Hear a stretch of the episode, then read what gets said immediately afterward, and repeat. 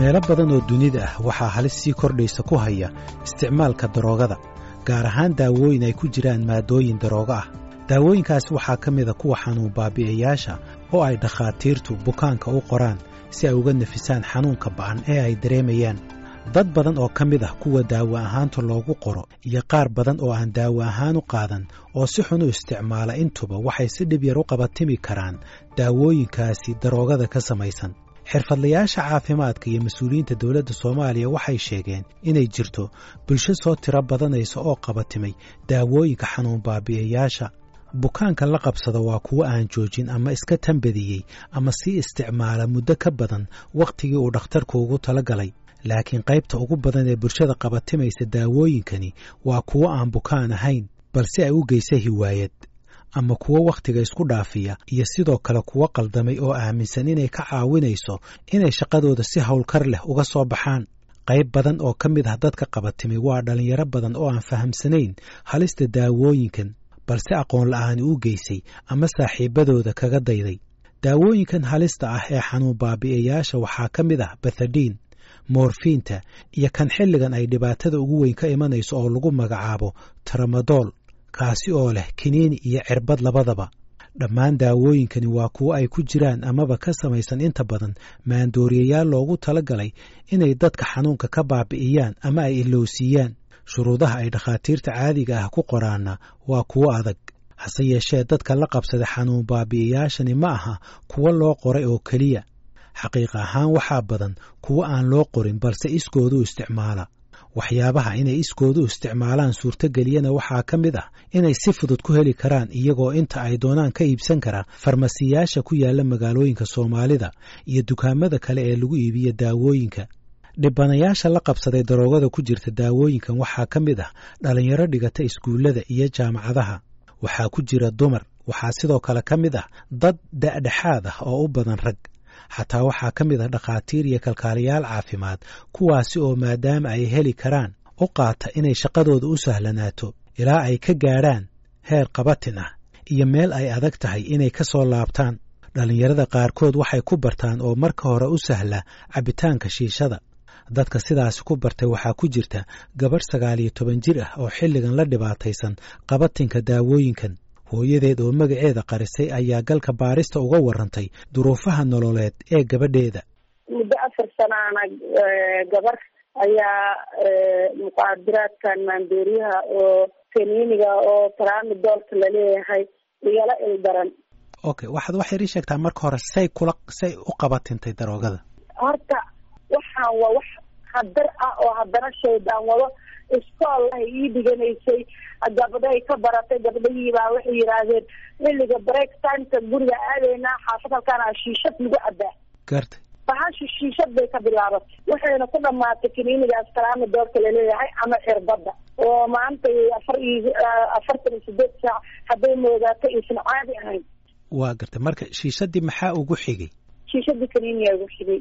Anigu kaniiniga shiishadii wax balaayadu way kala daran yihiin kana ugu daran. Hadday shan xaba ka cuntana waa daroogo hadday lix ka cunto iyo toddobana waa qalalaysaa. Hadday sideed ka cuntana way dhimanaysaa.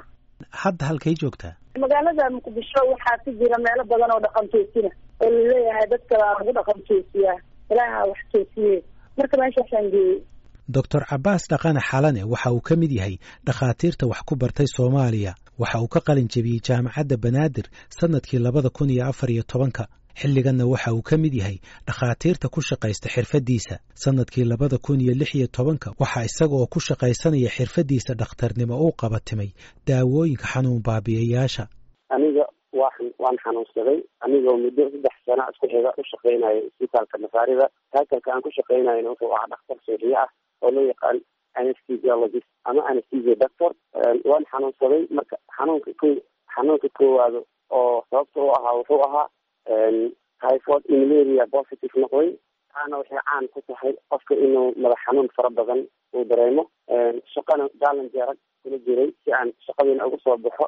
Xanuunkiina uu ii dhaafo. Nin dhakhtar ahaa marka ani macalin ii ahaa oo sooshiya ayaa wuxuu yiri daawadaana qaado shaqadaadana wado. Wax xanuuna ma dareemaysid. Marka aad fiicnaatana waad iska dhaafaysaa.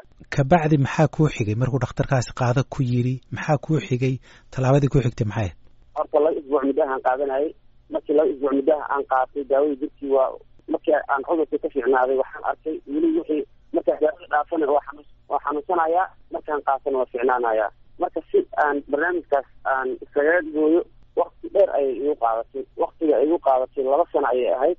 Adigu daawada aad qaadanaysa ee saa kuu gashay magaceed waxaad ii sheegtaa qiyaasta dooska aad qaadanaysa marka hore aniga dhakhtarka wuxuu i qoray doos ah in hal hal cirbad aan qaato subaxdii markaan shaqada soo galayo si active aan shaqada ugu noqdo isagana muxuu ahay anigana aan aan ku dareemo xanuun baabiye ahaan si aan u shaqeeyo xanuun aan udoomin ragga markaas challenge igala dhexeeyana aan shaqada aanan uga bixin oo aan mar walba aan dhabarka aan u shagto mideeda kale daawada marka hore dooska ku bilaabanayo ma kugu soconayso maalinta kuwada daawada la qaadan jirtay isbuuc laba isbuuc kadib waxuma kugu tara sabaday noqonay isbuuc saddexaad afaray noqonay isbuuca shanaad toban xabbay noqonay seer waxaa gaaray marka dambe haddii labaatan dhaba haddaad ku jiraysa xataa waxba kaa tirin doctor cabaas dhaqane xalane waxa uu haatan si buuxda uga soo kabtay isticmaalka daawooyinkan xanuun baabi'iyayaasha iyo daroogada ku jirtaba.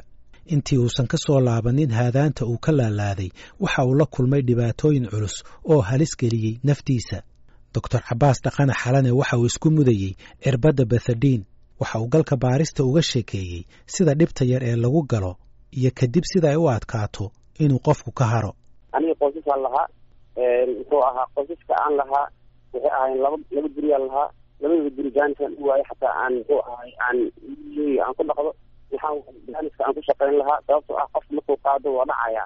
Yani magaalada ma aadi kartid meesha aad ku qaadaysaa dhece ilaa iyo waxaa dhacsanaanaysaa saddex saacadood afar saacadood marka uyartaa markaa soo kacedna hore inaad ka qaadataa u baahan tahay xididada jirkaaga dhan way baaba-ayaan waxay leedahay in xididada jirka ay disho oo jirka xididadiisa dhan ay aada u soo u soo yaraadaan heer qofka haddii emergency ama dhibaato ay gaarto xididadiisa hal gaardiin oo aan la dhibaatooyinka ay gaarsiiyeen qofka waxaa ka mid a qayb kamida ay baasanaysaa oo qofkii rabitaan dumar ma yeelanayo dhibaatooyinka ay leedahay waxaa ka mid qofka yani wuxuu yeelanaya wax daawo ah wax baahi ah uu dareemayo ma lahan. Marka uu isticmaalo waa dabad oo been ah ayuu dhargayaa. Oo kadib waxaa ku dhacaya qofka weightless kadibna difaaca jirkiisa yaraanayo. Xataa haddii hergab uu ku dhaco qofka ma u dulqaadan karo heerkaas gaaraya marka jirkaaga ilaa imise meelood baad iska mudday? Marka hore levels ayay leedahay. Qofka marka ugu horeysa xididdaa laga duraa marka xididka waayo kadib wuxuu isku dayaa inuu murqaha ka qaato. Markay murqihii meel kasta ay bararaan xididadana jirka ka dhamaado kadib wuxuu isku dayaa haddana maqaarka iyo murqa inta udhexeeya inuu duro. Kadib qofka wuxuu gaaraya markasta meel kasta jirkiisa kamida cirbad ku duro inay maalka timaado oo jirkii ay fashfasho oo jirkiiba daawada u soo celiso. Heerkaasuu qofka gaaraya marka ugu dambeyso marka dambena wuxuu gaari karaa qofka inuu kusumeeyo oo marka u hore uu qaataba qalal iyo inuu ku soo boodo iyo muxuu ahaay iyo blood pressureka oo aad u dhaco baalsihiio dhaco qofka respirationkiisa oo muxuu ahaay halal galo. Waxaa loogu talagalay qofka dhalinyarada ah in laba iyo toban ilaa iyo lix iyo toban in halkii daqiiqo u neefsado. Intaas in ka yaro qofka neefsanaa shan ilaa lix ilaa todobo hyboxid ayuu qofka galaa. Xididkaa baaba-aayo kadib wuxuu isku daya muruqa. Muruqii haddana aad kulli baranayo maal laga jeexa kadib dhan isku daya maqaarka inuu ka qaato darajooyinkaasay leeda baasha dadku waxay isweydiinayaan arrintani wax bulshada maxaan ku idhaahdaa heer qalalaasa ah oo heer xaalad deg dega gaadhsiisan miya oo laga anfariiro mise waa qof qof unbay ku dhacaysaa bulshada? Intay la eg tahay dhibaatadani. Wax muuqda miya mise waa wax laga badbadinayo? Hadda barnaamijka barnaamij aada u muuqda waaye dadkii way ku soo bateen waxa sababayna waxa waaye dadka maadaama aqoon badan aysan u lahayn daawadii gobolka soomaaliya aad bay ugu soo badatay si jaamacadara iskaga soo gashaa. Runtii bulshada aad bay ugu dhiban tahay. Dad badan oo ku dhintay waa arkay. Laba ka mid aan aqaanay. Inta kalena mar aan muqdisho joogo waxaan sameyn jiray kambeena oo barnaamijyadaas aan uga hadlaayo oo aan dadkana aan ku caawinayo in wixii oo muxuu ahay ubaahan dadka in la caawiyo u baahan lacag la'aan barnaamij ahaan muxuu ahay aan sameeyey dhowr iyo tobanaan muxuu ahay ilaahay igu guuleeyey oo ka ficnaaday qaar aana ka ficnaanina waa jiraan. Laba nin oo aan muxuu ahay aad aan u dhow taagnaa muddo sanad camal ah waa u dhinteen sababto ah way khiyaali jireen laftooda way khiyaali jireen waa iska dhaafadhihi jireen waasna ku isticmaali jireen mid ka mid a dadka sida weyn u qabatimay daroogada balse xilligan ka bogsooday waxa uu markiisii hore ku soo bartay dalka dibaddiisa gaar ahaan dalka yeman waxaana uu ogaaday inay aad u dhib yar tahay soomaaliya sida lagu helo daawooyinka xanuun baabi'iyayaasha ee ay daroogooyinku ku jiraan. Waxa uu la kulmay dhibaatooyin la mid ah kuwa uu arkay doctor cabaas dhaqane xalane. Qofku markaas wuxuu isu yahay baasha jecel yahay ninka raiisaha ku marka ku diro igu dhacday meeshii aan ku dhacay haddaan markaan dhacay haddaan dhinto ka waran haddii ka waran intaan afka ku dhigsado ilka iga daataan haddii ka waran intaan madaxa ku dhigsado neerba wax iga gaaraan isagaa loo haystaa sidaa daraadeed isku kaansinaya marka markuu kaa gasto iga sito ma kugu dirayo ma kugu dirayo waxaad qof midaba inaad barato inaad istirto adiga qofka marka uu isticmaali doonaa gacanta midigtaa isku diraya ila ma ma tirin gareysna daasho oo dee meel ka geliyo waayo midigta daashay musalada gadaasheeda soco lugta hoose cagta hoose oo maxaa la yidhaha gumada sida qofbuu garanayo soco indada hoose oo maxaa la yidhahdaa shanshada udhaxaysa ciribta inta ka dhaxaysa tilibka soco ilaa akhirka uu ku tago xubinka taranka ilaa uu ku tago ilaa ay ku tageen qaar dawlayaasha dhuunka ku yaalla in laga siiyo qaar ay gaareen dareedka wejiga dadka qaarkiisa ay leeyihiin kalabarka wejiga ay ka soo baxa. Marka qofka foorashado dhiigiisa ku gororo wa ka qaadanayaan arkay waxa uu iga sheekeeyey ninkaasi foolxumada ay leedahay laqabsiga daawooyinkan iyo inay qofka gayaysiiso inuu la yimaado dhaqan aan caadi ahayn oo meelka dhac weyn ku ah sharafta iyo maqaamkiisa. Waa kaa sodohdaa weydiisaa maalinka adiysa dhaasha oo dimashada aad saxa weydiisaa dayn oo ilaahay kuma ka middiiday war waxaan sheega ma garanayo baaga aada weydiinayn iyo meelaysan gelayno ma jirto. Daroogo kale oo dhibaato ku haysa bulshada siiba dhalinyarada waxaa la iigu sheegay inay tahay taabuu oo ah tubaako badankeeda laga keeno dalka hindiya. Inkastoo waddamada deriska la ah soomaaliya laftooda ay ka soo galaan cabdulqaadir sheekh xasan ismaaciil waxa uu ka tirsan yahay urur lagu magacaabo saxadhowr oo ka jira magaalada muqdisho. Waxa uu in muddaha ka wacyigelinaya dhalinyarada isticmaalka tubaakada taabuu taabuuga inta badan magaalada waa lagu gadaa dukaamada sida caadiga ah. Waxaana ugu badan dhalinyarada isticmaasha kuwa waxbarashada ku jira oo iskuulada dhigta. Waxaa soo labeeya dhalinyarada sportiska iyo kuwa hadda bagaadilada qawala marka saddexaas baa u badan meesha ugu dambeyd aniga aan tahay aan xooga saaran waxaad waxbarashada ma qiimayso oo si gaara ma u egtay dhibaatada ka imanaysa maxay tahay isticmaalka tubaakada? Wax dhibaato amay leedahay. Dhibaato badan aan leedahay qiimeyn badan iyo waxaan ku sameynay waa daraasada ku sameynay cuduro badan oo sababaa oo habkan ugu weyn oo saameynta ugu badan keeni kara waxa waa cudurka yihahda kansarka. Iyo qofka iyo nolosha ka dhacay marka taabuuga darto waxay u soo gudbinaysaa qaadkii sigaarka kadib waxay u soo gudbinaysaa waxau ahaa waxaa liga kale maandooriyaha marka laakiin cudurrada badan oo sababa tusaale meesha wasaarsan waxaa ka yimaada caabo hoos yimaada kaasoo isku bedeli doona waxau ahaa kansar waxaa kale wuxuu kaloo leeyahay wadna xanuun siday ku bartaan xag maxay ku bartaan marka hore ma saaxiib bay ka bartaan ma meesha miyuu jaban yahay oo si dhib yar baa loo heli karaa ma maxaa laga helaa qiimaha horta laga siiyo aada u jaban yahay waa qiimo yaro raqiis ah laakiin meesha ugu badan u soo maro qofkani waxa waaye saaxiib inta badan saaxiibkaa bara tusaale ardayga markii fasalka oo kale inta badan tusaale markaan arday u soo qaadanayo waa meesha ugu badan ka sameyn wacyigelinta waa iskuulada marka asaga wuxuu arkaya xaalad kala ku jira ama imtixaan ku adkaado meelaha looga faa'iideysto. Imtixaanka ma ku wareegsantaha kana kuu foganayo waxdidiyo waayo.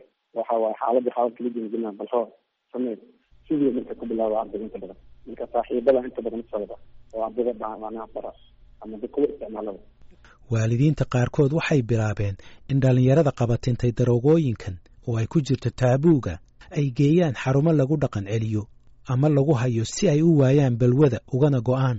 Xarumahaasi waxaa ka mid a tan lagu magacaabo gargaar oo ku taalla degmada hodan ee magaalada muqdisho.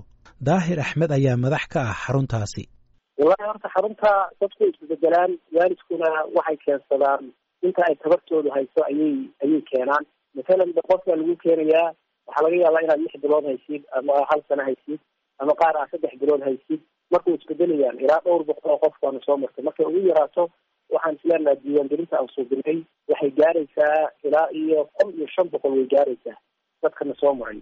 Oo ilaa iyo shantaas sano oo hadda aan shaqaynayay markaan ka hadalno xilligan aan wada hadlayno iyo xarunta dadka ku jira gaar ahaan kuwa waddanka gudihiisa ah ee dhalinyarada waddanka gudihiisa ku qabatintay daroogooyinkan waa imise tiradooda? Adiga hadda dadkaas ilaa sideetan waa gaarayaan. Hadda aan hayno maadaama dhulku iska yar yahay. Hadda tira koob ma ka haysaa siddeetankaa inta qofee mar labaad la soo celiyey ama mar saddexaad?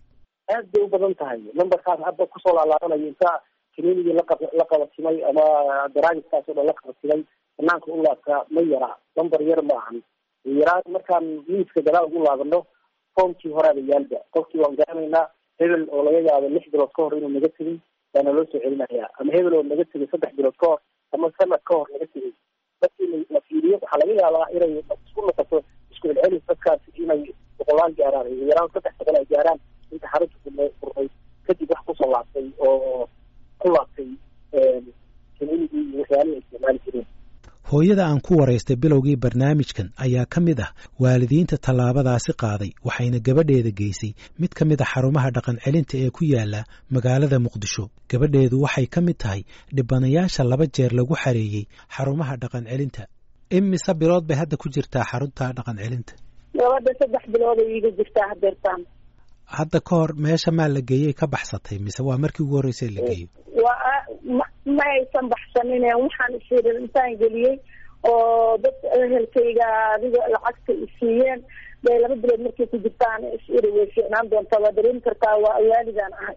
Gabarna meesha uma fiicnaan isiri markaan ka soo daayana way iga baxsatay. Mafahant imise xabo kiniiniya markiiba liqdaa halka mar lix shan xabaan la qaadi jira halka mar. Xaggey ka heshaa? Lala gataa ma wala weynaya waad soo gabanaysaa. Awal laba kun oo shilin soomaaliya xabadkii la gedi jira xanuun baabiyo camala loo isticmaali jiray ayaa kuley hadda qorshahan keenay. Hadda laakiin musdarar u maraya xabadki laakiin xarumaha dhaqan celintu mar walba ma aha xalka ugu dambeeya ama ugu wanaagsan ee wax looga qaban karo laqabsiga daroogooyinkan. Inta badan inuu qofku dawoobo kana go'o laqabsigan waxay ku xidhan tahay dadaal uu sameeyo qofka laftiisa iyo sida uu u beddelo habdhaqankiisa tusaalaha ugu fiican waa dadaalka uu sameeyey doctor cabbaas dhaqane xalane oo ka shaqeeyey inuu noloshiisa dib u soo ceshto naftiisana uu xakameeyo.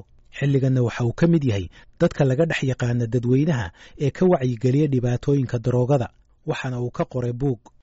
Waxyaabaha ii fududeeyey inaan ka hara waxa marka koowaad waxaa research ku sameeyey dhibaatooyinka ay leedahay physiologically waxay jirka ay ku bedelayso oo aan qaarkood baraasi ka arkay intaa keliga ugu filnaan weysay marka dambe waxaan baxay khuruj fi sabiililah muddo hal sano iyo kadib hal sano iyo bar markaan khuruj baxay oo xilna qur'aan alla aan akrisanayo xillina alla agtaartiisa aan muxuu ahay aan afka ku haayo. Ilaahay ayaa marka dambe igu caawiyey oo jirkeydana intii wax ku jirta ka saaray ayadana iga maraysiiyey oo inaan u baahanin oo marka aan intaanan bilaabay ka hor noloshaysa eed aan noqday. Hadda hadda kula hadlayo alxamdulilah waxaan ku jiraa todobo taana waxay cadeynaysay in muxuu ahaaye nolosha qofka jirka bini-aadanka aa marku iska dhaafo. Horumarka koowaad oo la kulmaayo waa in baramiis dib u soo laabtaan islamarkaana oo muxuu ahay damco in uu guursado. Haddana waa muxuu ahay todobaan ku jira alxamdulilah laakiin halkii hore aan marka bilaabayo labaxaasaan lahaa awoodda u yeelan waa gerideedii inaan tago. Sababtoo ah marba haddii aad baasha qaadato dareenkaaga waa dhimanaya raganimadana waa dhimanaysaa. Baahida kale aad u baahna dimar ahaanna waa dhimanaya ilan qofa waxba cunaynin waxna cabeynin oo darag been daragsan energy jirkiisa waa yaraanaya qoysaskaagii hore miyaa ku burbureen arrintan darteed? Ha qoysaskayga waa ku burburay. Mideeda kale aniga baabuuraan watay.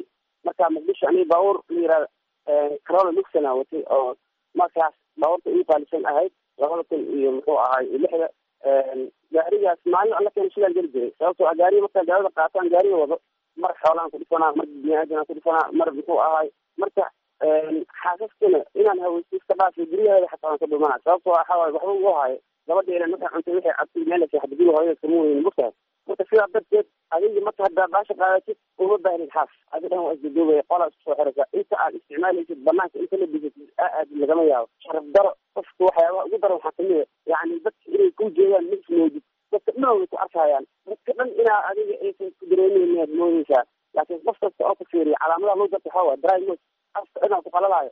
Markaasaa ayadan waxaa noqonaya qof muddo dhowr bilood aanan biyo si fiican u cabin oo mar walba meel oo bahgooyo ka oo safar ka oo kale oo dhaqanay laqabsiga daroogada siiba daawooyinka xanuun baabi'iyayaasha ee ka samaysan maadooyinka daroogada ah waa dhibaato gacan culus ku haysa waddamo badan oo dunida ah hase yeeshee waddamada aan lahayn sharciyada ama fulintoodu ay liidato ama si baahsan oo fudud looga heli karo daawooyinkan. Sida soomaaliya oo kale waxay aad ugu sii nugul yihiin aafada daroogooyinkan soomaaliya waxay ka mid tahay waddamada uu xilligan qabatinka daroogadu faraba'as ku hayo. Mas'uuliyiinta dowladda soomaaliya waxay galka baarista u sheegeen inay ka warhayaan dhibaatada isa soo taraysa. Wasiirka caafimaadka foosiye abikar nuur waxay galka baarista uga warrantay in dhibaatadan ka imanaysa daroogooyinkan la qabatimay. Ay dheeraad ku tahay in daawooyinka la soo gelinaya waddanka qaybo badan oo ka mid ah ay tayadoodu liidato. Waxay kaloo wasiirku sheegtay in tubaakada taabuu ay dhibaato weyn ku hayso jiilka cusub daawooyinka ibtilo weyna ka socota. Waxaa jira daawooyin badan oo ay qaataan dadka iyagoo aanan takhaatiir u qorin. Waxaa hadda aada iyo aada magaalada magaalooyinka intooda badan sida magaaladan madaxda ahaan hadda joogna aada ugu badan in la isticmaalo wax taabuu la leeyahay tabaaka oo afka la gashto. Dhalinyarada ayaa aada u isticmaasho. Ma hayno statistic cadad baaritaan laguma sameynin oo lama raadinin laakiin habashada iyo magaalada markaas weydiso iyo bulshada dacaladeeda kala duwan waxaa aada u badan dhalinyaro badan inay isticmaalayaan. Tabuuga aada loo waxaa kaloo jira isagana daawo tramadol ah oo aada iyo aada loo isticmaalo. Waxyaalahaas waxaa keena daawooyinka in la isticmaalo. Daawooyinkii waxaa la tegayaa farmashiyayaashii cid kastaa iibin karta. Si kastay u soo degaan magaalada si waxaa loogu iibiya adi caadi ah innaga wasaaradda waxaan sameynay sannadkii dhamaaday waxaan soo waxaan mamnuucnay dekreeto xeer wasiir aan ku mamnuucnay. Tabuuga inaanan laga dejin karin laga baacishtari karin la iibin karin. Sidoo kale tramadolka wuxuu ka mid yahay daawooyinkan la xakameeyo. Waxaan saarnay xakameyn waan waan waan xadidnay. Waxaa jira takhaatiir badan iyo rug caafimaad badan oo soo dalbado oo ruqsad raadiyo yimaada wasaaradda si ay u iibgeeyaan waxaan sameynaa isbitaalada waaweyn ee u baahan daawooyinkan narcoticska ama restricted drugs la yidhaaho oo laakiin u baahan in isbitaal lagu maamulo ama dakhtar uu ka habad la og yahay isbitaalada ku filan ayaanu ogolaana laakiin waxaa jira in badan oo si si sharci darro ah dhibka waa badan mid ka mid a siyaabaha loo xakamayn karo si xun u isticmaalka daawooyinka xanuun baabi'iyayaasha waa in marka horeba ay dhakhaatiirtu u qoraan baahi adag oo jirta oo keliya darteed iyo inay qoraan dadka dhakhaatiirta ah oo keliya. Kadib marka ay qiimeeyaan xaaladda caafimaad ee bukaanka hase yeeshee sida ay qirteen mas'uuliyiinta caafimaadku kuwa qoraya daawooyinkan kuwa soo dejinaya iyo weliba kuwa iibinaya waxay u badan yihiin inaysan u diiwaan gashanayn dowladda soomaaliya. Wasiirka caafimaadka foosiye maxamed nuur ayaan weydiiyey waxa ay ka qabanayaan arrintan innaga waxaan sameynay register ayaan sameynay. Wax ayaa jirta oo aan aan aada u xoojinay labadii sano dambe oo aan len ay sameyneyso inay register garayso takhtar walba oo wadanka soo galayo oo ajnabi ah oo ka shaqeynayo in markuu rugsada soo qaato uu loo yimaado annaga intuusan shaqo gelin. Waxaan immigrationka dhignay foomankii warqadihii aan annaga aan sheegnay warqad dakhtar kastoo yimaado wadanka inuu soo register gareeyo noo keeno shahaadooyinkiisa aan xaqiijino haddana saasay tahay inta badan ma dhacdo. Annaga markii aan wasaaradda tagay wasaaradda caafimaadka annaga waa fariisanay waxyaalaha ugu horreeya oo labada kun iyo toddoba iyo tobankii markaan xafiiska la wareegay aan ka wada hadalnay wasaaradda. Oo kadibna xafiiska ra'iisul wasaaraha golaha wasiirada isugu yeeray oo wasaarad walba la weydiiyey waxyaalaha hor horumarinta priority-ga ah ay qabanayso sagaalka soddonka casho ugu horreeya mandatekeena inay soo sheegato ay tahay annaga shaygii ugu horreeya aan ka tala bixinay oo aan go'aansanay wasaarad ahaan. Waxay ahayd shuruucdii caafimaadka inaan ka shaqeyno oo aan baarlamaanka sida ugu horeysa dhaqsaha le aan geyno. Sharciga markaan baarlamaanka geynay oo la ansixiyey aqalka hoose ansixiyey november labada kun iyo sideed iyo tobankii. Dad badan waxaa gala cabsi isbitaallo badan waxay soo direen waraaqadihii sharciga u raadina laakiin way soo degaan dad baa wakiisha dad isbitaallo private lahaa jira oo soo dejiya oo aanan soo marin. Isbitaallo badan oo waaweyn magaalada ku yaalo ma sameeyaan barnaamijkii galka baaristuna waa naga intaas inta aynu ku kulmi doonno barnaamijkan oo kale waa haaruun macruuf oo idin leh nabadgelyo